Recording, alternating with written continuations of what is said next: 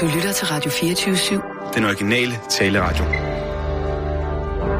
Velkommen til Bæltestedet med Simon Jul og Jan Elhøj.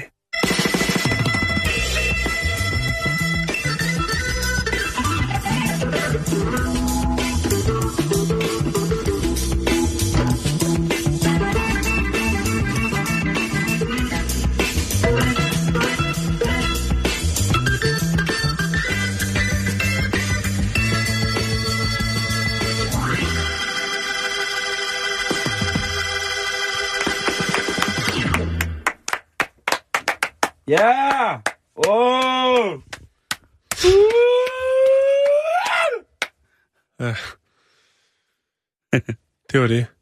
Det var dejligt. Tak for i dag. Ja. Velkommen til Bæltestedet. Tak skal du have, Jan. Simon Jul. Tak, Jan L. Høj. Øh, Der er simpelthen, der er simpelthen øh, fnuller på knuppen. Det kan jeg godt se. Det er helt vildt. Jeg ved ikke, hvem der har været inde i studiet sidst, men det Den skækkede dame. den her lyd, som I kan høre nu. Det er ikke jeres radio. Det er simpelthen fordi, at øh, jeg er i gang med at pille nullermænd af, af mikrofonen her. Det kan være, at det er nogle af Huxis politikere, der har simpelthen har åndet nullermænd. Øh, man kan aldrig vide det. Det er ikke til at vide, og det er jo nok et spørgsmål, som vi ikke finder svar på i dette program. Men hvis man lytter... Nej. øhm, vi, vi skal starte med lidt kort nyt, Simon. Jeg har fundet lidt små, korte, underfundige historier fra udlandet. Okay, så øh, Ja. måske skulle det introduceres sådan her. Der er så meget, og der er så lidt. Der er så mange, og der er så få. Der er også nyheder, og de er helt små. Hold da op. Ja, så kan man godt gøre. Ja, ah, det, jeg, jeg, du ved, jeg vil bare gerne være flash news reader. Ja, øh, vi kender sikkert alle sammen ordsproget, øh, den ene stød, den andens havregrød, øh, den andens brød. Den ene død, den andens brød. Det kender vi i den grad. Ja. Øhm, og øh, det kan man sige, det handler den her historie, lille bitte historie også om.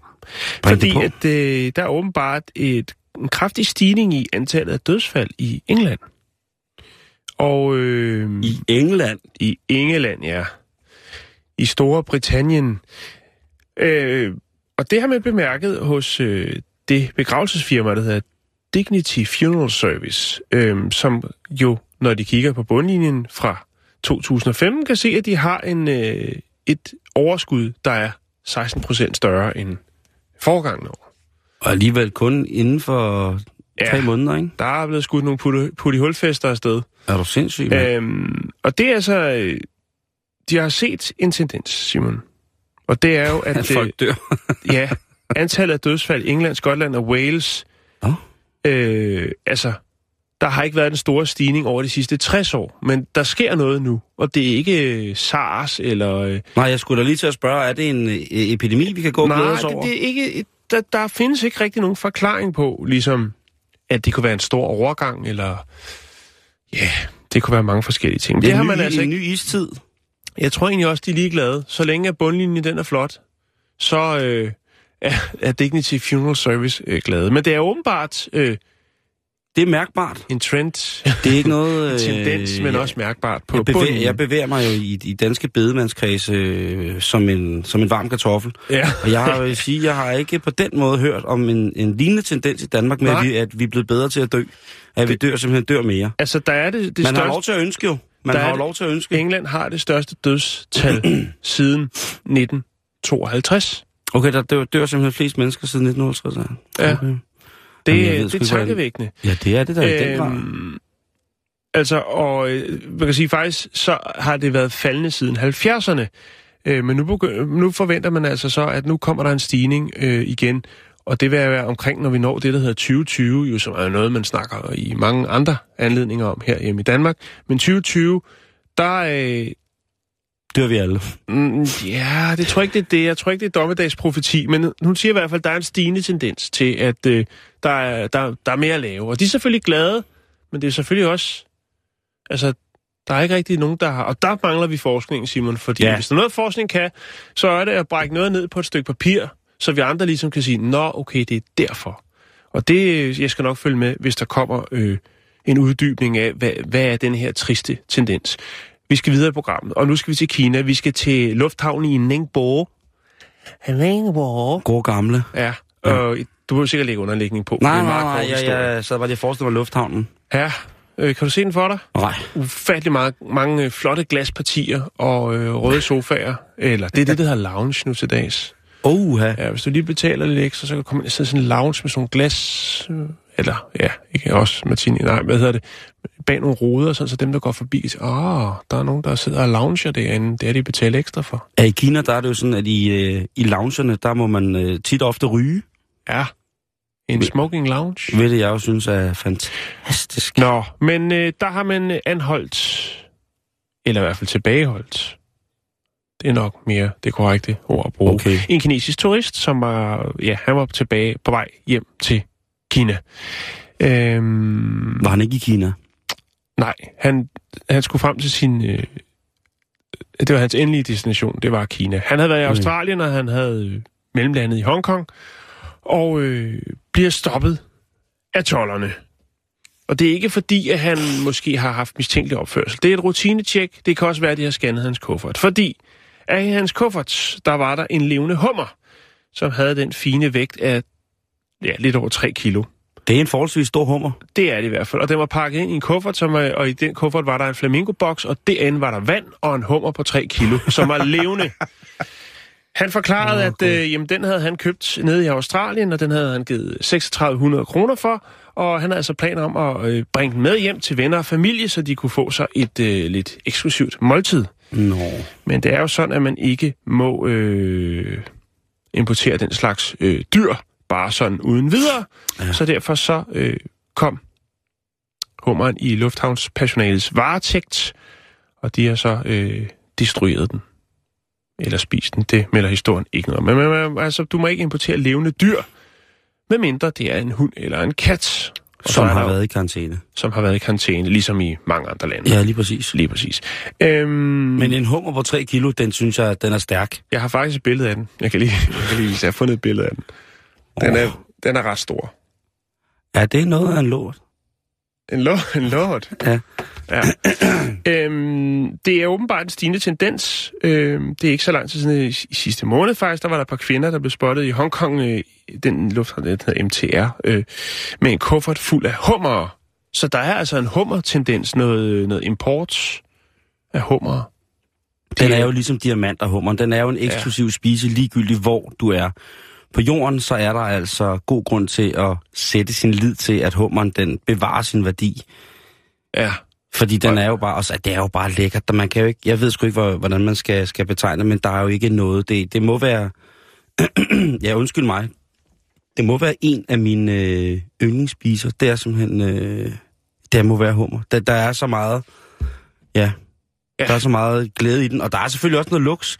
Det er da helt Jo, vildt luksuriøst, at hvis man går ud og køber hummer, Ja. at man så, ja, uha, og så, hvis han bare vil give det bedste til sin familie, tænker han, han har gået nede på en strand i Australien og tænkt, åh, det er en saftig hummer, det er en saftig hummer, den der, den skal hjem til min familie, den skal meget, meget mums ned med.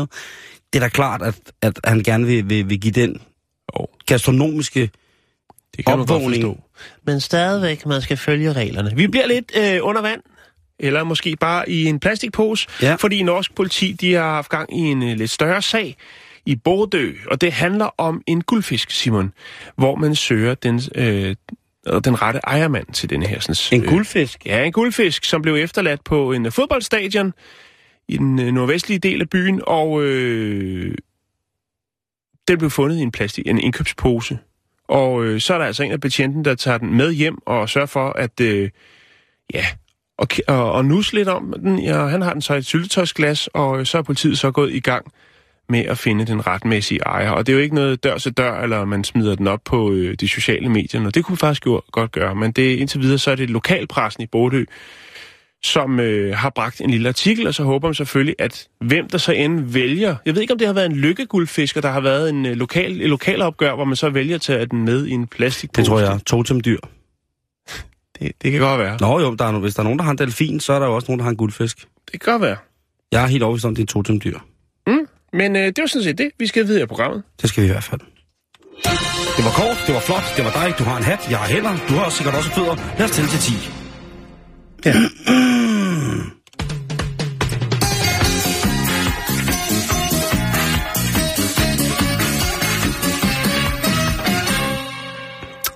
Så er der tærte. Præcis.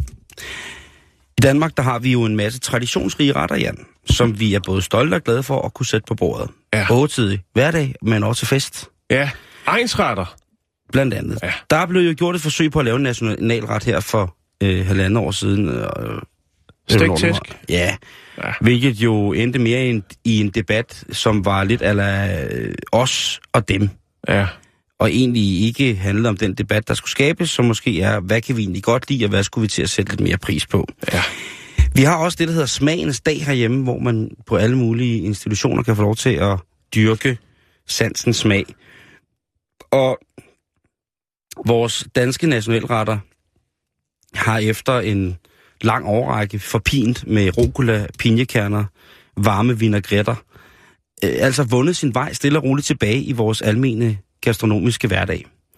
Der er flere og flere, som øh, elsker at spise, øh, du ved, gammel brun mad. Ja. Heavy dansk fjul, ikke? Original dansk brændsel, som der kalder det. Yes. Det er jo altså noget med hamburg, grøn langkål, brune kartofler, frikadeller, krebinetter, karbonader for den sags skyld, Ja. hakkebøffer med blødløg, pariserbøf, fad, øh, fadkoteletter osv. osv. Det kan jo være, at det lyder som nogle ting, som du tænker, det godt nok aldrig nogensinde været væk fra mit menukort, det der. Det er Nå, fandme noget, jeg eller kører. det kan være, du sidder og tænker, okay, det har jeg aldrig nogensinde hørt om. Hvad er det for nogle spændende ja. retter? Er noget, Ah, der hvad kommer en snakker han? Hvad snakker han? Hvad snakker om? I, I virkeligheden, så handler det om, at vi i Danmark jo har en har et levegrundlag, rent økonomisk, der gør, at vi jo faktisk kan spise lige præcis stort set, hvad vi har lyst til hele tiden. Ja. Så kan vi være, at vi kommer ind i nogle ernæringsmæssige, forplejningsmæssige komplekser, men det må så være, hvad det er. Der er flere og flere af os, der ser ud som om, at vi spiser lige præcis det, vi har lyst til, og vi skulle gerne spise det, der er nemmest, det, der er hurtigst, og ikke mindst, det, der er aller, aller, aller billigst. Det Jo, er jo, jo. en... Øh, det, Det sådan er det. En ja. Ja. sparet krone, en tjent krone, også når det kommer til ernæring. Det kan godt være, at man kan se nogen ude i, øh, ude i samfundet, som ser ud som om, de sparer rigtig mange penge, hvis du forstår sådan en lille en. Ja, og man tænker slet ikke over, at man selv er kommet til at veje 140 kilo i løbet af tre år. Ens barn vejer mindre og mindre, og nærmest bliver lysevidt at se på. Der er mange sjove ting, hvorpå man kan gisne på, hvad, hvad der er, der sker med vores forplejning. Men det, det skal handle om i dag, det er nemlig de her livretter, Jan. De her, er der noget, som virkelig kunne sætte os på landkortet?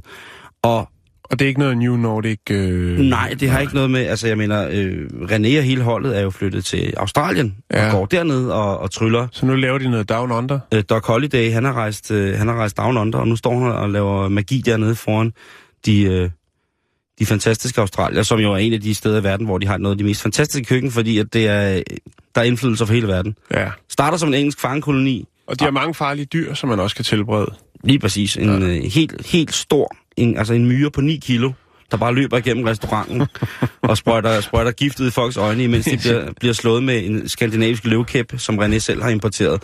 Der sker sikkert mange ting. Ej, øh, jeg har ikke andet end love til overs for, for det projekt derude. Øh, spændende at se, hvad det, hvad det bliver til dernede. Jeg så... Øh, Og Maja, øh, han er på den anden side.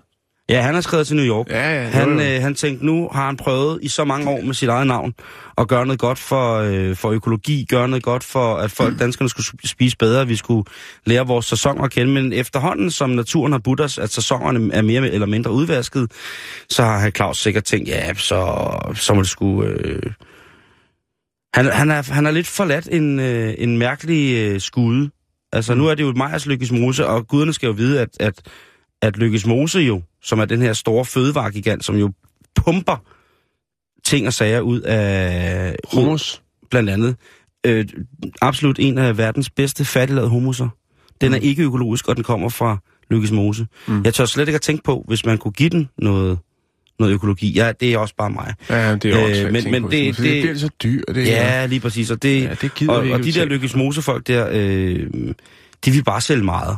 Jo, jo, mere de, salg, mere salg, de, mere de skal sgu øh, efterhånden... Da, til, da de startede, så troede jeg simpelthen på, at de var fantastiske. Jo, jo, men, Men, øh, øh, det er også tit i starten, at, øh, at man er lidt, øh, lidt på kanten og har visioner i den rigtige retning, men lige pludselig så finder man ud af, at det er sgu ikke nok med en swimmingpool. Vel? Det er ikke nok med et gods og en flot køkkenhave. Nej. Nej, men det, det er også Nå, rigtigt. det kunne vi snakke lang tid det kunne om. vi snakke det... om. Men vi skal snakke om englænderne, som gør noget ud af, hvad de godt kan lide at spise. Fordi i den her uge, eller den kommende uge, der er det tærte uge. Kommende uge er tærteuge. Ja, og det er altså pie week, Ja. fordi at englænderne er fuldstændig vilde med tærter. Der er der også rigtig mange... Vi har snakket om en speciel pege på et tidspunkt. En Mm. tærte. Hvad var det, det var for en? Det var noget med noget blod eller noget, jeg kan ikke huske det. Nå, det er også lige meget. Undskyld, jeg afbrød. Nu må du godt. Værsgo, jeg er klar. Blotpej, det ved, jeg ved ikke, hvad det var. Blot, klar. Men i hvert fald, så har de valgt at... Altså, mange aviser går virkelig højt op i, i den her... Øh, den her tærteuge, fordi at tærterne er noget, som alle folk er vokset op med og Mm. kan forholde sig til. Og så har der kommet en, en lang række artikler rundt omkring i Englands, og det her det er altså Englands førende aviser, om hvilken slags tærte man skal bage, når man skal hylde tærten i tærtens uge. Og der er jo alt muligt mærke. Jeg har fundet en hjemmeside her, hvor der er gode forslag til blandt andet, altså mere eller mindre appetitlige tærter, vil jeg så sige.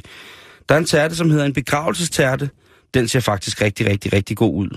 Øhm, og den er lavet med rosiner og solbær. Der Så er er der- måske en, der har øh, lige har øh, mærket lidt på, øh, på hvad hedder det, øh, begravelses, øh, det stigende antal begravelser, tænker, så laver vi sådan en. Det er godt tænkt, Simon. Det er sammensværgelse nu, Jan. Nu er du ja. godt klar over, hvad du roder op ind i mit hoved, ikke? Jo, jo, jo. Så er der en avocado-tærte, den ser virkelig uinteressant ud. Der er det, der hedder en savsmuldstærte, som efter sine skulle være med groft hakkede mandler, nødder, valnødder, masser af dadler. Mm. Altså, vi er over noget raw food. Det lyder lækkert. Jeg er ikke sikker på, at, øh, at hvad hedder det, den hører ind under den gængse tærte, men alle tærter er velkomne, skriver de. Der Det er også masser af... avocado-tærten vel egentlig heller ikke. Også, altså, prøv at høre. Og hvis det Den er der- rigtig avocado, der er i, ikke? så øh, bliver den vel hurtigt brun. Den der, det kommer an på, hvor meget citron og sukker man blander i. Den der avocado, Nå, den, øh, du. Den der avocado-tært, den ligner simpelthen røv, der er træt af at skide. Til gengæld så ligner den der savsmuldstærte noget, som ser rigtig godt ud. Der er også ja. masser af kok kokos, mandler, honning, dadler, øh, karamel. Jeg kan ikke se noget, som er forkert i den der. Så er der en cheeseburger-tærte. Det ligner simpelthen bare en tærtebund, der er presset ud i en stille og rolig form. Så er der lagt øh, 400 gram hakket kalv og flæsk oveni, og så er der øh, tomater og agurk, og det, det ser virkelig ulækkert ud. Så er der macaroni and cheese with bacon-tærten. With bacon Altså en tærte, der er bagt med macaroni and cheese indeni. Mm. Det synes jeg, jeg har hørt lidt om før. Så er der en eddiketærte her. Og der vil folk ja. sikkert tænke, åh oh, nej, en eddiketærte. Vi havde jo historien om hende, engelske pige, som drak to øh, flasker eddike om dagen. Ja, det kunne hun lige gøre. Øh, men der sker jo noget fantastisk med eddike, når man varmebehandler det. Specielt hvis man har fat i nogle eddiker, som er en lidt mere edel kvalitet end bare Lagermands. Lagermands, den, øh, den stærkeste. Øhm, og så er der en, der hedder Stargazing Pie, og det er en fisketærte, hvor at man har lavet det således, at fiskenes øjne eller hoveder stikker op og kigger ud over kigger ud igennem tærtelåget, altså dermed ordet Stargaze, de kan altså stene over stjernerne. Lidt, lidt ligesom, øh, der findes en spil til børn med sådan nogle fisk, der drejer rundt. I nærmest der ligner sådan en tærte, og så åbner de munden, og så kan man stikke sådan en lille fiske. Nå, fiskespil, der hvor man skal... Åh, det kender jeg godt, det er sjovt. Der er hotdog-tærter og så videre. Jeg, I virkeligheden så er der rigtig, rigtig, rigtig mange gode bud på. Men hvorfor ikke nogle klassiske tærter? Det er fordi, det er ikke så... Altså, jeg tænker, hvorfor øh, bringer de ikke dem på banen og finder nogle gamle opskrifter på nogle tærter? Jo, men det har de masser af, Jan. Ja. Altså, du mener kidney pies, og meat and kidney pies, og Ja. liver pies, Alle og så videre, de, så alle de gode ja. Ja. engelske klassikere. De er der selvfølgelig. Altså, det her, Okay. okay. det var ligesom et... Øh, Det er det, det, er det mærkelige. det var et bud på noget friskt og nyt i tærtens uge. Ja. I tærtens tegn. Jeg kunne bare godt tænke mig, at vi havde en, sådan en uge om året i Danmark, hvor vi hyldede en ret. Ja. Og ikke, et, at vi skulle lede efter en ret, men hvor vi hyldede en ret. Mm. Og der, Hvad tænker du, det skulle være? Jamen, nationalretten herhjemme, det er jo den der pulverlasagne. Jamen, det siger folk jo. Det er jo forfærdeligt. Men altså, Ja. øh, hvis man kigger på salgstal af sådan et sæt der, Ja. det er fuldstændig vanvittigt. Det er vanvittigt, hvor meget folk Hvad er køber. det? Der skal bare vand i, eller hvad er det? Ja, men øh, jeg, ved, jeg ved det ikke. Jeg har aldrig rigtig prøvet at lave den. Og det er ikke for at være heldig eller noget. Jamen, jeg, jeg, Øh, jeg jeg, spiser- jeg har jeg haft har en kammerat, som, øh, som laver den ret tit. Øh, ja, og han er der nogle små ting, og det, det smager jo okay. Nej, det gør det Ja, faktisk ikke engang. ja. Men det, men det, men det, altså, jeg ved sgu ikke lige, hvad jeg skal sige, men det, det altså, så skulle vi have lasagne uge, pulver lasagne uge, men det er jo også måske lige at, at stramme den lidt, synes jeg. Jo, det, men den er heller ikke, det er vel ikke så klassisk dansk, vel? Mm-mm. Altså, og, og stegt flæsk, den kan man vel ikke variere så meget. Så skulle der være noget med... Noget med noget kartoffelmos, med nogle... Øh, Brændt kærlighed uge. ja, med nogle forskellige rødfrugter eller noget på, og noget, noget bakone, og... Oh. Altså, den kunne man variere meget godt. Ja, det og det kan jeg. også være lidt, øh, lidt tærteagtigt på en eller anden måde. Ikke? Eller koteletter, altså, altså røvgryden, røvgryde uge. Lav, ja. lav Danmarks bedste røvgryde. Ja, eller... Ja, ja. Altså den her gryde, hvor man har noget kød og en, Øh, der er kun én, der er kun én, der skal kun være én regel, det er, der skal selvfølgelig cocktailpølser og perløg i røvgryden. Okay. Jamen, så bryder vi også lidt. Jeg tænker, at tærten, den er meget klassisk engelsk. Der må være et eller andet, der, øh, der er ligesom, hvor man siger, det her, det, det er fandme dansk. Men det skal også være noget, man kan variere, for ellers så vil man tage et stik tæsk med persillesovs, ikke? Men Ja, eller frik dunser, ikke? frik, ja, frikadunser, og så det der frikaletpulver. Nej, nej, nu stopper det, nu stopper det. Prøv at høre, Det er der bliver, mærkelig øh, på et eller andet tidspunkt i løbet af efteråret, så arrangerer vi uh, koteletter i fadeuge. ja, okay. Der kan man sgu også få kartoffelmos til, Jan. Det kan man godt, ja. Er det ikke det? Jo, jeg bliver helt sulten nu. Mm, lad os komme videre.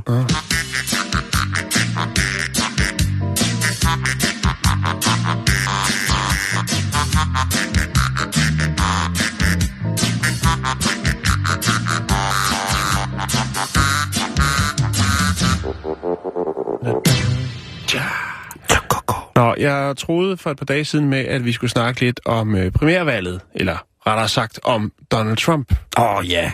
Ja, Jeg er vild med, at du er gået ind i politik, Jan. Jamen, det er jeg ikke. Det er, Okay. det, det, øh, det er jo så lidt, kan man sige, for nu har lige nævnt hans navn.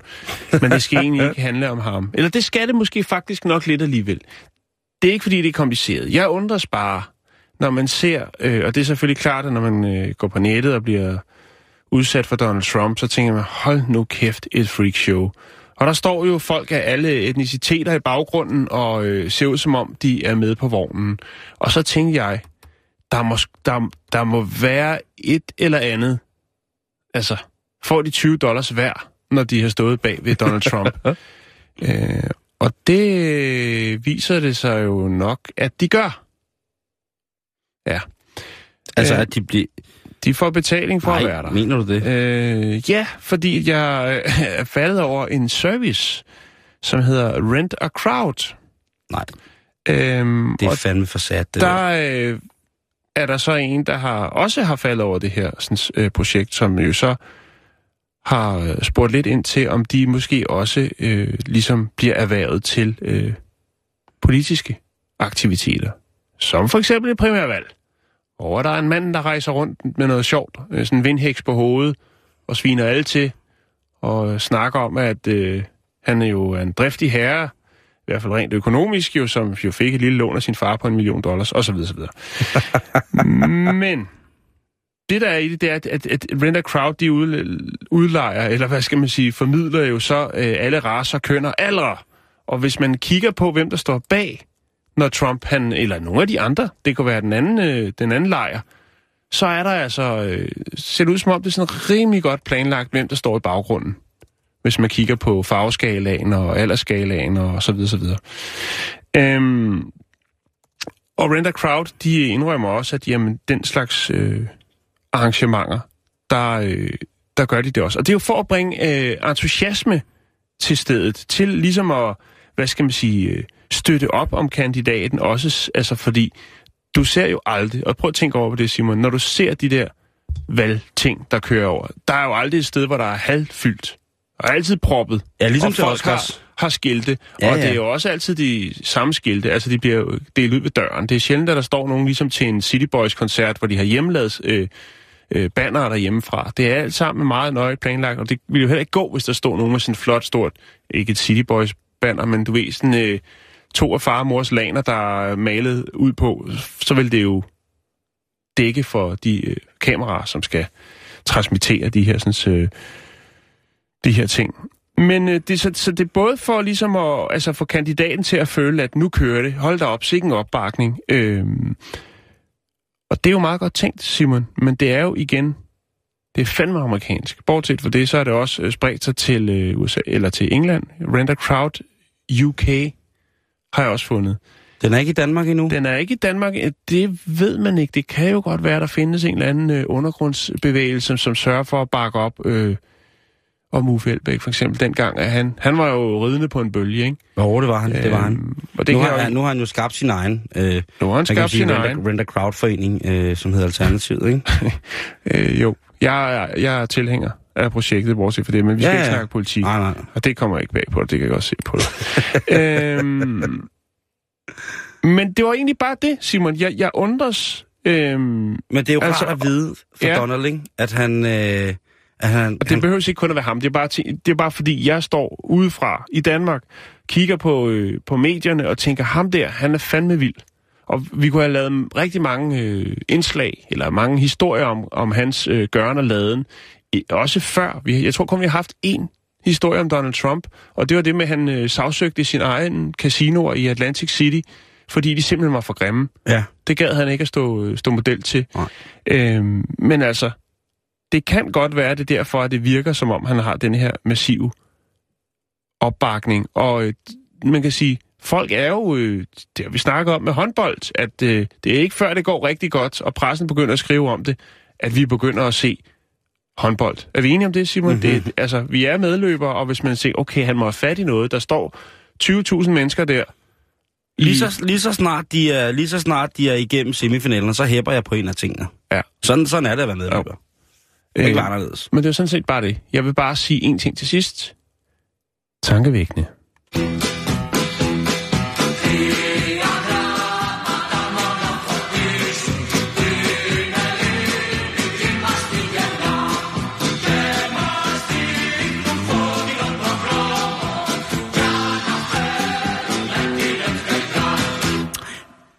Vi skal lave noget, der hedder, kan du overhovedet fatte, hvad du har gang i, kaptajn idiot? Og det er en ny leg, jeg lige har opfundet, efter at jeg Ja. stødte på en historie i morges, som handlede om en absolut sindssyg, et eller andet mangel på situationsfornemmelse. Jeg er jo tit blevet beskyldt for at ikke have nogen situationsfornemmelse. Jeg Mhm. medgiver glædeligt, at det er korrekt. Gentag det lige. Jeg er tit blevet beskyldt for at ikke have nogen situationsfornemmelse. Jeg medgiver gerne, at dette er korrekt. Okay. Denne herrens den 9. marts kl. 15.31 2016. Det er sagt. Det er sagt. Men der må alligevel være et eller andet sted inden i mig. Jeg ved ikke, hvor det kommer fra. Der forhindrer mig i at få det billige grin, og for eksempel at hive pikken frem og prøve at sømme den fast til en kiste ved en begravelse. Der er et eller andet inde i mig, der giver, der stopper. Jeg sætter mig ikke for grinets skyld og skider midt på færgen og klapper i mine efterladenskaber, for ligesom at... Det, der, der er et eller andet inde i mig, som, som... Jeg ved ikke, hvad det er, Jan. Jeg siger ikke, det er moral eller etik. Det vil jeg helst frabede mig. Men der er et eller andet sted, Inderst inde. som sætter en grænse. Det kan også være, at det er et skjold af, øh, for nogle aliens. Det tror jeg mere på. Det er svært at vide. Men der er nogle ting, som... Altså, det, den tænker jeg, okay, det er simpelthen for, for, for, for dumt. Og det er der mange mennesker, som... Øh, jeg er meget misundelig på de mennesker, som ikke har det. Og, og rigtig mange er i fjernsynet og skaber sig en karriere ud af det. Jeg har jo til dels gjort det, men der er jo også mange, der ligesom bare kan... Altså, hvis de gør nok sindssyge ting, så bliver de berømte. For eksempel på internettet. Ja. Og der er heldigvis ingen grænser. Og internettet gør det er jo altså næsten for nemt at skabe sig en her af følgere, hvis bare man har ingen grænser nok. Mm-hmm. Hvis man så kombinerer det med skjult kamera, hvor man synker så lavt og skræmmer folk for den reelle frygt for at dø, så er man jo helt konkret på vej til et ganske sikkert hit, ikke? Altså skjult kamera, det er jo simpelthen, de folk, der laver skjult kamera, det er jo mindre bemidlede mennesker. Det er jo folk, som ikke på noget tidspunkt har genereret en form for fantasi, der kunne afføde en eller anden form for kreativ proces, der så kunne skabe, skabe humor. Hvis man skal lave skjult kamera, så skal man kunne, i hvert fald som det mindste, dø af det. Så synes jeg, der skulle være en mulighed for, at der springer en eller anden krokodil ud med en sexløber, og så bare plaffer løs i ens pik, indtil man dør af det. Folk, der generelt bare laver skjult kamera, det er jo så Meget sørgeligt. hård, hård i dine ord. Men er du enig? Men øh, ja... Skjult kamera, Jan. Jeg, jeg har lige siddet og set noget. Der var en, der lagde noget op, hvor jeg tænkte, hold da op, synes han det er sjovt? Og det var noget, jeg kan ikke huske, det er nogle af de, jeg kan ikke huske, om de, de er fra Spanien eller sådan et eller andet. Nogen, som laver sådan noget helt klassisk øh, skjult kamera, hvor at, øh, man, der står en politibetjent, og så øh, gelejder han lige en bil ind til side, og så har de sendt en slange med noget røg, og øh, han står og forklarer, så løber de om i sikkerhed bag en lastbil, og så øh, er der sådan en højtaler, der afspiller en eksplosion, og så bliver der kastet en kofanger, en bildør, og et dæk hen bag lastbilen, så, så at ejeren tror, at deres bil er sprunget i luften. Det er skide sjovt, ikke? Ha, ha, ha, ha, ha. Men ved du hvad, Simon, jeg er bare nået frem til, at, Sådan en, Altså- sådan en tv-producer, der sidder og siger, så laver vi sgu noget skjult kamera, du. men det virker, Simon. med, det virker. Så kommer og, der en, en hånd og ud af en lavkage, og så er der en mand, der, der falder en kæmpe stor fugl ned fra et træ. Og japanerne er jo gode til det, ikke? De kan lave nogen, hvor man, øh, man har set altså japaner, der har øh, sat sig på et lokum på toppen af en skibakke, og så lige det, de sætter sig ned, så kører, den, kører hele toilettet baglæns ned, ikke? Altså, det er stadig for I nemt. hvert fald lokummet. Jo, jo, men det, nogle gange er det altså også bare sjovt. Ja, og nogle gange, så skal man heller ikke gøre humor alt for sofistikeret. Okay. Jeg synes, det er godt, at der er noget til alle. Lad mig sige det på den måde. Men jeg ved, at det, som du skal snakke om nu, det synes jeg er for meget. Synes du det? Det synes Det er jeg. jeg trods alt glad for. Ja. Ja. Jeg, jeg er glad for, at du har den holdning. Det mildner lidt op i stemningen her i studiet, fordi at jeg er jo generelt i på den mest bundske façon meget, meget primatagtigt, infantilt hadende på folk, der laver skjulkameraer. De burde have stukket deres øjne ud. Der er ingen grund til at bruge energi på at have folk. Jo, lige præcis med skjulkameraer. Elsk. Elsk. Det gør jeg også. Jeg tager alt, hvad jeg kan. Jeg elsker løs i... Nå, nu vil jeg iblandt- fandme godt høre, hvad det handler Jeg om. elsker løs blandt rige og fattige. Jeg er ligeglad. Jeg vil høre det. Jo. Sig det nu. Et saudiarabisk YouTube-crew, som øh, virkelig giver den gas. De synes virkelig, det er sjovt. De har ikke nogen bekymringer, Jan. Det er... De halshugger. Ja, ja, lige præcis. De får besøg af den danske kommende konge og kronprinsesse, og så halshugger de bare løs i baggården, imens de sidder og får en lille kop te inde i, i de store... Det er bare, det er bare til YouTube. De sætter altså, de sitter og en, og en Formel 1-bane imens, og så hugger de hovedet af i baggrunden. Ah! Ah! Du har kigget fræk på en pære. Ah. Hvad er det for nogle sko, du har på? De minder om kopperstøvler. Af med dine fødder. Af, af, af, af, med armen. Ej, nu hugger jeg. Okay, jeg dræber dig. Jeg dræber dig nu. Okay. Prøv at se, jeg har flot guld Rolls Royce, så sidder Mary der, og så lige bag bagagerummet, så er der bare to store poser med, jeg dræber dig! Jeg hugger! Og der er hvor, din familie skal også dø nu! Alle dine børn! Hug, hug, hug! Nej, men øh, der er altså nogen, og lurer mig om ikke, det er nogle mennesker, der er på den helt rigtige side af det, der kaldes, øh, er du ægte Saudi, eller er du tilflytter? De her, de har i hvert fald både råd til at hyre, ja, tv-stationer og alt muligt andet. Og, men, man, og de har altså lavet et, et, et prank, hvor at, øh, de i Saudi-Arabien har en taxachauffør, som er klædt ud som taxachauffør helt almindeligt med stort skæg, og på et tidspunkt så knapper han sin, øh, sin, sin kjortel op, og så siger han, at han er selvmordsbomber. Han spørger sine passagerer, om de er klar på jihad. Vi, vi taler om det i Saudi-Arabien. Vi taler altså om et land, som har et religiøst politi, der hedder Mutawin, som altså smider folk i fængsel for at gå med pandebånd eller fingerring. Men nu, er, nu laver det sjov. Nu, de har, nu har de gakket turbanden. Den her øh, tv, øh, ja, eller hvad man så kalder, det her YouTube-fænomen, der sidder der altså øh, ganske almindelige mennesker i den her Saudi-taxa, og så lige pludselig så knapper han op, og så viser han altså et selvmordsbillede af en anden verden. Ja. og spørger, tror du på jihad? Tror du på den store krig? Tror du på hellig krig? Og folk, de bliver jo fuldstændig hjernedød angst over ja. det her. det kan man da godt forstå. Øh, de kan slet ikke overhovedet... Øh, altså, der er jo faktisk nogle af dem, som prøver at, at, at, at simpelthen køre bilen af vejen, for ligesom at undgå, at han fortsætter andre steder hen. Der er no, enkelte noble personer. Det her klip, det har været ligget ude på, på, på nettet i, i, i nogle dage, og det, det er simpelthen blevet fjernet, Ja. fordi folk er simpelthen blevet så øh, sure. De tager under omstændighederne ret let på fænomenet selvmordsbomber i, i Saudi-Arabien. Jeg er måske godt klar over, at det ikke er det land, som først bliver ramt. Der er jo mange mennesker, som siger, at Saudi-Arabien har nogle handelsinteresser i netop de organisationer, som internationalt bliver beskyldt for at udgyde den her forfærdelige terror. Mm. Så måske kan de være, måske er det en form for, for hellig krig legeplads, de har dernede. Det skal jeg ikke kunne øh, udtale mig om, derfor så gør jeg det. Men altså, den her video blev jo et kæmpe hit. Altså Saudi? Ja. i Saudi-Arabien. Okay, ja. Fordi de synes æderrødme, det var sjovt. Det, jamen, det var, det var total brøleren. Det var mega fnis, det der. Jeg må sige, at ud fra reaktionerne på de mennesker, der sidder i den her skjult kamera, der ved jeg ikke rigtigt, hvad, hvad jeg vil synes var, var, var gjort. Øh, Hvordan slutter de? Slutter det så helt klassisk med, at øh, de sidder og griner og peger ind i kameraet, og så lige vinker? Det prøver de på, men lad mig sige det på den her måde. De mennesker, som der skal prøve øh, efter sine at grine med, Ja. de har det virkelig hårdt. Og selv, jeg tror jo, at øh, de har sikkert også fået en lille skilling. Ja. Og så har de måske sagt, så skal vi bruge det, fordi det nytter ikke noget, at det her det ikke bliver til noget, vel? Nej, Det kan jo sagtens være, at det er en, en strategisk øh, kommunikativ satsning på at få fat i de unge, at der er nogen, der laver det her. Det er jo ungt og crazy at lave skjult kamera, ikke? Øh, øh, for de unge og taberagtige, så er det jo det, man gør. Oh, oh. Øhm, jeg, jeg synes bare, at en selvmordsbombervideo i, øh, i Saudi... Altså, nu vil jeg prøve at lægge den op på vores Facebook. Det kan godt være, at øh, det går hen og bliver et øh, værre moras, øh, og vi bliver for alvor lukket ned nu, fordi at jeg prøver at, at gøre et eller andet. Men øh, Prøv det. Gør det. Lev på kanten. Men jeg tænker, at jeg, jeg tænker, at jeg vil gøre det, Jan. Men du skal her, gøre her det. Du lige. skal gøre det. Jeg kan i hvert fald øh, ikke blive andet end øh, forholdsvis... Øh, jeg ved sgu ikke. Nej, jeg ved det heller ikke.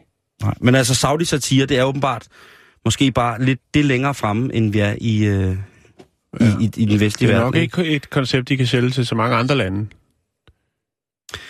Nej. Øh, det havde først, altså jeg synes, at de kunne sætte den på spidsen ved at, gøre, at sætte en kvinde til at være jihad-terroristen med stort faldskæg på. Kvinder må jo ikke køre bil i Saudi-Arabien. Så det kunne være... Øh, De har heller ikke brug for det. De fleste er hjemmegående, Simon. Jo, jo, jo, men De, alligevel. skal, de har chauffør, Men, alligevel, men alligevel. men jeg forstår din pointe. Jamen, øh, jeg, jeg lægger lige den her film op på øh, vores Facebook.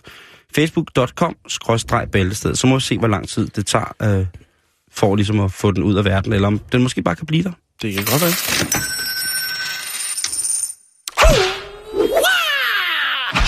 Og der var den. Så skal vi til øhm, Canada. Vi skal til Canada nu. Vi skal til Toronto. Til Canada. Ja. Vi skal til Toronto. vi skal øh, snakke om en helt speciel samling, som øh, University of Toronto i Scarborough har erhvervet sig. Okay. Det er øh, Den kunne verdens, komme op. Undskyld. verdens største samling af kinesiske menukort. Verdens største, altså fra Kina-griller eller fra... Det vender vi tilbage til. Okay. Øhm, den skal hjælpe forskere med at undersøge øh, den vigtige rolle, som madkultur har spillet i indvandringen i hele Nordamerika. Så ja, du har ret. Det er, øh, det er takeaway øh, menukort fra kinesiske restauranter. Sådan. Sådan. Øhm, der kan jo være mange, øh, hvad skal man sige, undermenuer øh, i sådan et menukort. Fordi at øh, det handler jo om øh, migrationen, det handler om øh, maden, og øh, så er der jo også det her med, at hvert kort fortæller en historie. Øhm, det er jo ikke blot en liste over forskellige sammensætninger af ja, råvarer. Øhm, det er en samtale mellem en kok, en tjener, en ejer og en kunde. Øhm, og hvorfor siger jeg så det? Ja, det lyder lidt som en vits. Det lyder lidt som en vits. Samlingen består af 10.000 menukort, hovedsageligt kinesiske menuer, indsamlet af en herre, der hedder Harley J. Spiller. Og han har altså samlet fra 1981 til 2009. Sam, øh, samlingen den omfatter menukort for alle 50 stater i USA, øh, og, på og øh, også en stor del af Kanada. I øh, 2005 der overrakte han, øh, eller blev, undskyld, samlingen anerkendt af Guinness World of Records for at være den største af sin art. Sådan. Og nu har University of Torontos bibliotek planer om at digitalisere denne her samling. Så man kan øh, kortlægge, ja, blandt andet udviklingen af kinesisk mad- madkultur i Nordamerika. Øhm, og det, Det er ret sjovt. Ja, det er, det er faktisk øh, ret interessant. Det der gastromapping er blevet usandsynligt populært, og jeg forstår det både Nej. godt, og så forstår Ja. det lidt ikke. Nej, ja, lige præcis. Øh, men det har også, fordi her kan man følge ligesom, og det kan vi lige vende tilbage til, hvordan, for det er jo, der er nogle paralleller til Danmark med den kinesiske mad. Ja. Øh, men det der er i det er, at man jo har kunnet se, at øh, oh. kineserne jo også har prøvet at, hvad skal man sige, imødekomme de nordamerikanske kunder, så som at lave chop suey eller egg foo yung, øh, for ligesom også, skal man sige, altså chow mein og chop suey og de her, nogle, nogle ting, som man, dem fandt man ud af, dem kunne amerikanerne godt lide. Ja, de blev ligesom lavet til i Amerika, ikke? Kan Jo, sige. lige præcis. Og det bevidner de her kort om. Eller, ja, det bevidner de. Det ældste menukort, man har i samlingen, Simon, det er fra den 13. september 1896. Og det menes at have været brugt ved en frokost i New York øh, til ære for den kinesiske statsmand Li Hong Sang. Øhm, tusind af menuerne, de er er dateret før 1960. Så det er jo en ret, øh, hvad skal man sige, der er, der er altså, det er altså, en ret stor samling og, over mange år. Amerikanerne kan jo takke kineserne til dels for at have været den nationalitet, som bidrog med flest arbejdshænder til bygningen af det store jernbanesystem. Ja, præcis. Øh, så der har jo været kinesisk mad, og der har været kinesiske ja, fingre i... Der har været wok amok Der, i, i, i mange år. der ikke? har været wok amok. Udover at, øh, de her menukort, så er der øh, indeholder samlingen også spisepinde, postkort, plastskeer, endda små stykker af legetøj, såsom øh, små legetøjsvokke. Nu når du siger wok amok. Jeg vil jo gå sådan et sted hen for at kigge på sådan et museum. Det er jo helt sikkert. Ja, det altså... Det, kunne, se- det er meget sjovt, men jeg synes, det er sjovt, det med, at man kan tage sådan en samling, og så kan man øh, analysere den, og se, jamen, øh, sådan og sådan, altså sådan har det været, sådan har det spredt sig, så er der nogen, der har været for, forgangsmænd mænd og tænkt, jamen, vi laver øh, den her Chow Ming eller noget, og så, så er amerikanerne vilde med det. Og det er jo faktisk det samme i, øh, i Danmark.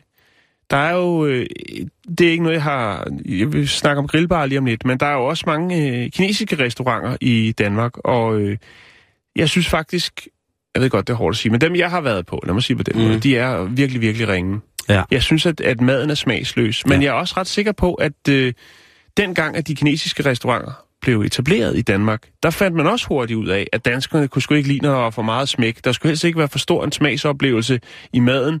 Derfor så... Øh, Skulle man bare komme lidt fra tyrgryden, og så øh, kørte vi bare, så skulle der være ma- masser for lidt penge, ikke? Så den kinesiske ja. grillbuffet, eller øh, hvad hedder ja. Det, dårlig mave på Masser af bambus og, øh, og så den der underlige, øh, lidt halvklar, øh, ja, sådan olieskift ting. Ja. Sovs, jeg ved ikke, hvad den hedder. Nej, Nej. det øh, ved I nok heller ikke selv, fordi det er ikke særlig meget med Kina at gøre, tror jeg. Nej, men for lige at sige noget, så, så var der Kinagrillene, Simon. Der er omkring 80 Kinagrille tilbage i Danmark. Oh, Øh, det kan jeg nu godt lide eller andet ved. det, det var jo i 70'erne og 80'erne ligesom, at det boomede. Jeg kan selv huske det op på vores torv, der var en Kinagrill, og der kunne man gå op og få øh, forårsrulle. Og man fik jo en kulinarisk oplevelse, men også en, øh, en Sindssygt dårlig mave. verbal oplevelse, fordi de jo snakkede øh, fantastisk dansk. Ja, og det gør øh, de stadig heldigvis. Med spise her med hjem og sådan Ja. noget. Ikke? Det er jo helt klassisk øh, 80'er. Altså, Kina-grillen er jo nok blevet skiftet ud med thai-restauranten, ikke? På mange, mange Jo, steder. og, ja, og med alle de andre øh, kulinariske tilbud, der er, ikke? Mm. Øh, Men det er sjældent, man ser en rigtig, rigtig Kina-grill, ikke? Hvor man jo, kommer ind, der, er- der er ikke mange øh, til, tilbage af, af dem. hvor de det, stolt, stolt kører, mm. stadig kører Kina-kål og Thousand Island dressing i Der er faktisk en uh, interessant tese omkring det, hvorfor man, en, eller en anden grund til, at man ikke ser så mange Kina-grill mere. Og det Mm. mm. er simpelthen, at uh, de kineser, som kom til uh, i 70'erne og 80'erne og etablerede Kina-grill, jamen, altså, og der kan man sige, kineserne er jo ikke dem, du hører mest til i, hvor, i det danske samfund, hverken som øh, immigranter eller migranter, eller hvad vi nu skal kalde dem, Mm. øh, gæstearbejdere. Øh, og, og, og man kan sige, deres børn, de, der er det jo faktisk dem, der har, har øh, kinagrillene, som ikke ønsker, at deres børn, de er kommet til Danmark for at, la- at, at lave et godt liv og få et godt fundament, og ønsker ikke, at deres børn skal gå i deres fodspor. De har Mhm. gjort det for ligesom at, hvad skal man sige, ja, for at være selvforsynende, for at tjene deres egen penge og håbe om, eller ønsket om en bedre fremtid for deres børn. Præcis. Det kan være en af grundene til det. Øhm, og så var der jo også øh, det her med, med pølsevognene og kinagrillene. De var jo også lidt op og, toppes øh, i begyndelsen af 70'erne.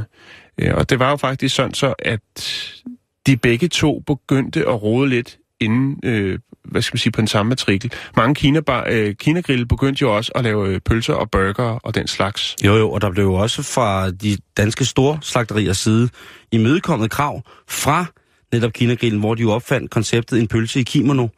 Øh, selvom kimonoen jo, jo nok demografisk ret beset er øh, et japansk øh, ekviperingsgenstand, jo. så var det altså et tilbud til, øh, til øh, mange af de her griller, om de kunne få en pølse i en form for mærkelig øh, dejsubstans, som de så kunne hælde i ønskebrønden, og vupti, så var der pølse i kimono. Mm. Det, der har jo været øh, ja. Ja. mange, mange af sådan nogle ting. Men det var sådan set det, Simon. Vi, vi startede i Toronto, vi endte i Danmark. Og jeg vil godt lige knytte en øh, rigtig, rigtig øh, fantastisk øh, historie til det her, Jan. Det skal fordi du gøre. Jeg har lige færdig med at læse en, øh, en bog, som netop ja. Handler om det kinesiske køkken. Ja.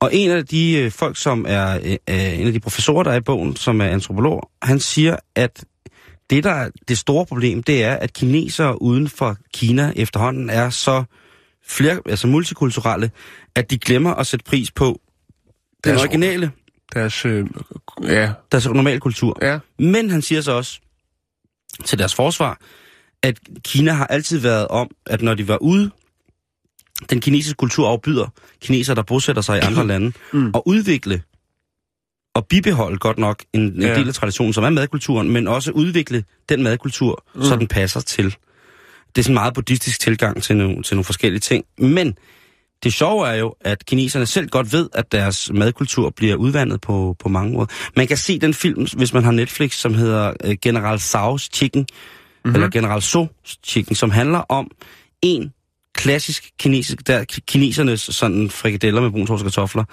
hvordan den ligesom er blevet fortolket hele øh, vejen rundt om jorden, hvor man til sidst også snakker med efterfølgerne af simpelthen General So og øh, ham, der skulle være den op- oprindelige... Og de har den op, oprindelige opskrift, eller hvad?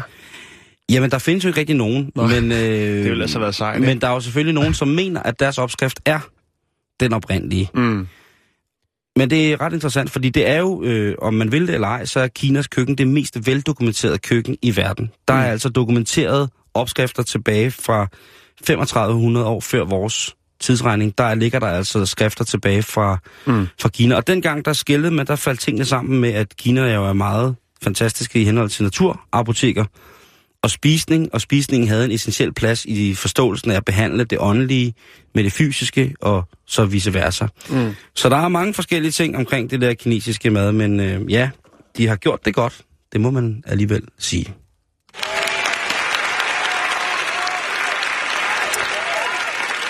Og øh, her til sidst, Jan, øh, der kan vi jo lige tage en tur til, øh, til, til, til Kina. Jeg skulle lige hilse at sige, at det lykkedes mig rent faktisk at kunne få lagt den her video op med øh, Saudi Satire.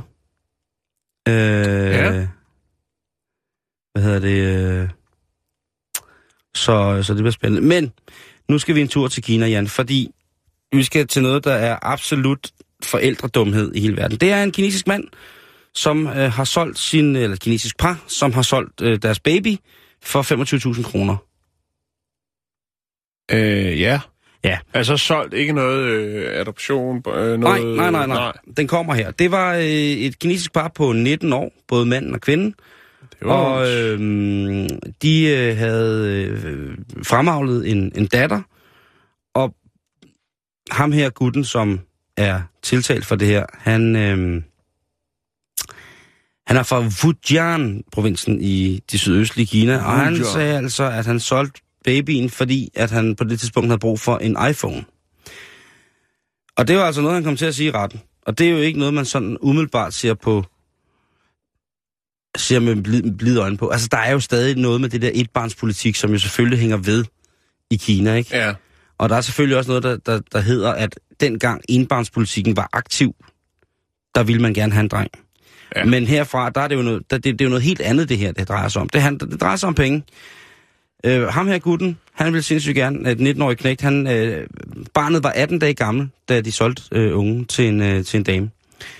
Og øh, ja, det blev så til godt 25.000 kroner, og moren til, øh, til, til barnet her, jamen, øh, hun arbejdede rigtig, rigtig meget for at få råd til babyen, men faren han arbejdede ikke, og ja, øh, stereotyprollen som værende et mandesvin, den fuld- fuldførte han altså til, til UG Kryds og Slange ved ligesom at forholde sig fuldstændig øh, passivt i den her situation af at være blevet forældre. Og til, til gengæld så ville han sindssygt gerne have en motorcykel og en mobiltelefon, og der fik, han så hende her moren med på, at ligesom, nu gør vi det. Trist. I midlertid, så øh, havde køberen af barnet fået andre tanker. Øh, køberen af barnet sagde, at vedkommende havde købt det til sin søster. Så der bliver altså i gang med at tørre et eller andet af her. Mm-hmm. Og det er sådan faktisk, at den kvinde, som modtog barnet i gave, hun har stadig forældremyndigheden over barnet. Der er ikke nogen instanser af de kinesiske, hvad kan man sige, sociale myndigheder, som er interesseret i, at en, et forældrepar ligesom kan, kan tage sådan noget tilbage, eller skal op- opfylde deres krav for det. Manden, øh, han blev dømt, fordi hende her kvinde, der købte barnet, kom tilbage og sagde, jeg gik til politiet sagde, jeg har gjort noget ganske forfærdeligt. Mm. Jeg har simpelthen fucket op. Jeg har fucket helt hjertet op. I bliver simpelthen nødt til at hjælpe mig. Og politiet siger så, hvad der er sket, og så fortæller hun så, hvad der er sket. Og man tænker, hver gang man hører den her historie, du godeste, så stjæler de, så de sælger simpelthen børn. Det er jo noget, der kun foregår i uh, actionfilm fra 80'erne, hvor de uh, skuer frem imod en mørk atomalder, ikke? at der bliver børn også en form for valuta. Manden her, han har faktisk øh, erkendt sig fuldstændig skyldig i det her. Han siger, ja, det var mig, og, og han kan ikke komme med nogen andre forklaringer end, Materielle ønsker. ja, han vil have en iPhone, og altså, han, han laver sikkert skjult kamera i fritiden. Øh, hvad hedder det? Det er, sådan det, det, er dem, der laver skjult kamera, det er sådan der sælger deres børn. Ej, Jo, det er det for, for en telefon. Det gør de. Øh, men jeg kommer også til at kigge ind af, Jan. Ja, Jeg er jo adopteret, ja, og det skal vi også snakke. Jeg tænker, jeg kunne jo måske godt have været solgt. ja. Og du er fra 77. Hvad var hot der? Mm, Læderbukser. Ghetto blaster på læderbukser. Koreanske læderbukser. Hvad, var hot i 77? Øh, Jamen altså, der har Men, øh, Altså, nogle knaller. Jeg, måske, jeg kan være gået for en, en lettere defekt, et håndværkertilbud af, af en knallert. ja, Så en, en Honda, den der lille motor, verdens mest solgte motorcykel, ja. den kunne jeg vel godt være gået for. Øh, Ja, eller det der tennisspil. Med de, Stangtennis? Ja, de, Nå, to, nej, de der to øh, pong? hvide- Pong, eller hvad det hedder. Åh, jeg kunne være blevet solgt for at spille Pong, en, et, en, et datamatspil. Ja. Det, Men øh, jeg, jeg er sikker på, at de kan sidde dernede og ponge hele dagen lang i, i øh, Sydkorea nu, og ære sig over, at øh, de ikke havde beholdt dig, fordi sikkert dog et pragt eksemplar, der er blevet opfostret her i Danmark. Åh, ja, nu er du rigtig, rigtig sød. Ja. Det har jo måske været netop derfor, at de tænkte, at det der, det skal vi ikke have noget med. De havde fra start af set, Det, det er som man tager det. de havde fra start af, fra, fra start af set det. Øhm, jeg tænker, at, at altså, der er sgu noget sært, sådan pænt middelalder over at begynde at bruge børn som møntfod igen. Ja. Det, det, har jo været, det har været sket før. Ja, men det, Altså- ja, ja, ja, men det er gudskelov ikke... øh, Altså i, i tvangsægteskaber, i angstægteskaber, øh, der er der jo også øh, en eller anden form for valutasætning, værdisætning af at, at give sit kød og blod væk, ikke? det siger du, ja. Altså, jeg er stor fan af retro og renaissancer og så videre, så videre, men lige det der med at, at bruge børn som møntfod, der har jeg det sådan bogstaveligt, det synes jeg skulle er noget lort. ja. Øh, Men det er gudskelov heller ikke noget, der, vi, der forekommer så tit. I hvert fald ikke, hvad vi, hvad vi hører. WHO, Verdens Sundhedsorganisationen, de siger, at omkring 200.000 børn på verdensplan bliver årligt solgt eller brugt i byttehandler eller som gaver. Ja. 200.000 Det er meget. bitte små væsner, Mm. som der er, er blevet frembragt på eventuelt et øh, lynknald på et dårligt diskotek, eller måske bare derhjemme med slukket lys, eller en voldtægt, eller altså der er, det er børns skæbne nu til dags, at øh, de stadigvæk i kraft af deres forsvarsløshed og menneskets generelle utugt i forhold til moral, giver, øh, giver sig selv løs på den her måde. Mm. Jeg synes, det er, det er rigtig, rigtig, rigtig, rigtig mærkeligt. Men øh, det var det, jeg vil bare vide. Jeg vil bare lige sige, at øh, man skal ikke købe børn. Sådan er det. Man skal ikke... Øh, et, øh, et godt, øh, en god, fin udmelding lige at komme med her til sidst i programmet, Simon. ja, sige, man ikke skal Hvis man børn. nu sidder derhjemme og er i tvivl. Børn, de har intet at gøre med...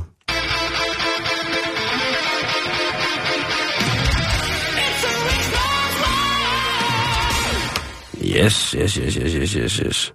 Øh, vi har to minutter. Skal, jeg, skal jeg lige tage en kort en? Nej, ja, nej, det ved jeg ikke. Eller har du en kort Nej, jeg vil bare sige noget. Eller kommer der nogen ind? Nej, der Hvad- sker der? Nå, det var bare... Øh, det er sjovt. Nu har, nu har, vi, har vi dyrket det et, st- et stykke tid, Mhm. og det er sjovt, at øh, lytterne de hæfter sig ved det hver gang. Der er altid en, en, en lytter, som ønsker at ret. Det synes jeg er ret sjovt. Som er? Jamen, det er, hvis øh, jeg nu for eksempel tager her fra frugtkurven, tager sådan en øh, avocado herop. Nå, den der. Ja.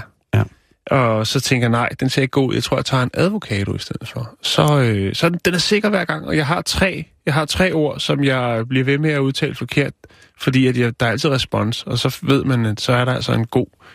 En Det god synes du skal blive ved med at sige dem forkert. Jamen, det gør jeg også. Det er jo det, der er missionen. Men det er godt, så ved man, at folk hører efter. Ja, det er Ja. også for dårligt, at vi kan vores øh, nutidsærer, eller på anden måde lægge os linguistisk et sted, hvor at man på en eller anden måde jo skulle mene, Jeg anerkender, at... jeg anerkender det, det, det, det vågne øre, skulle jeg til at sige. Det gør jeg også, men det i, i, vi har jo i den grad altid været udsat for, for det vågne øre, og vi har jo som sagt øh, Danmarks aller, aller, aller bedste lytter. Øh, facebook.com bæltestedet, jamen der ligger den, jeg ved ikke, hvor lang tid den kommer til at ligge nu, den her øh, saudiarabiske øh, selvmordsbomber, øh, hvad hedder det, video. Men øh, den, øh, skjult kamera og video, ikke? Altså det Jo, jo, er nok skjult, meget, skjult, meget godt. skjult kamera og video. Ja, det er ikke... Det er jo ikke en mand, der på den måde ligesom øh, Det er ikke noget rigtigt, der bliver eksekveret. sætter sig selv til, til de evige jagtmarker. Nej, det er sådan set bare... Derudover så har jeg lagt en, nogle billeder op af koteletter i fad med teksten, at det må kunne gøres bedre. Blandt andet er der øh, en øh, kotelet i fad med både ost og ananas, og det vil jeg altså gerne øh, Ja, det skal man. Der mangler Det, bare lige øh, kalkun revet på toppen, så det havde det været helt... Ja, tak for i dag.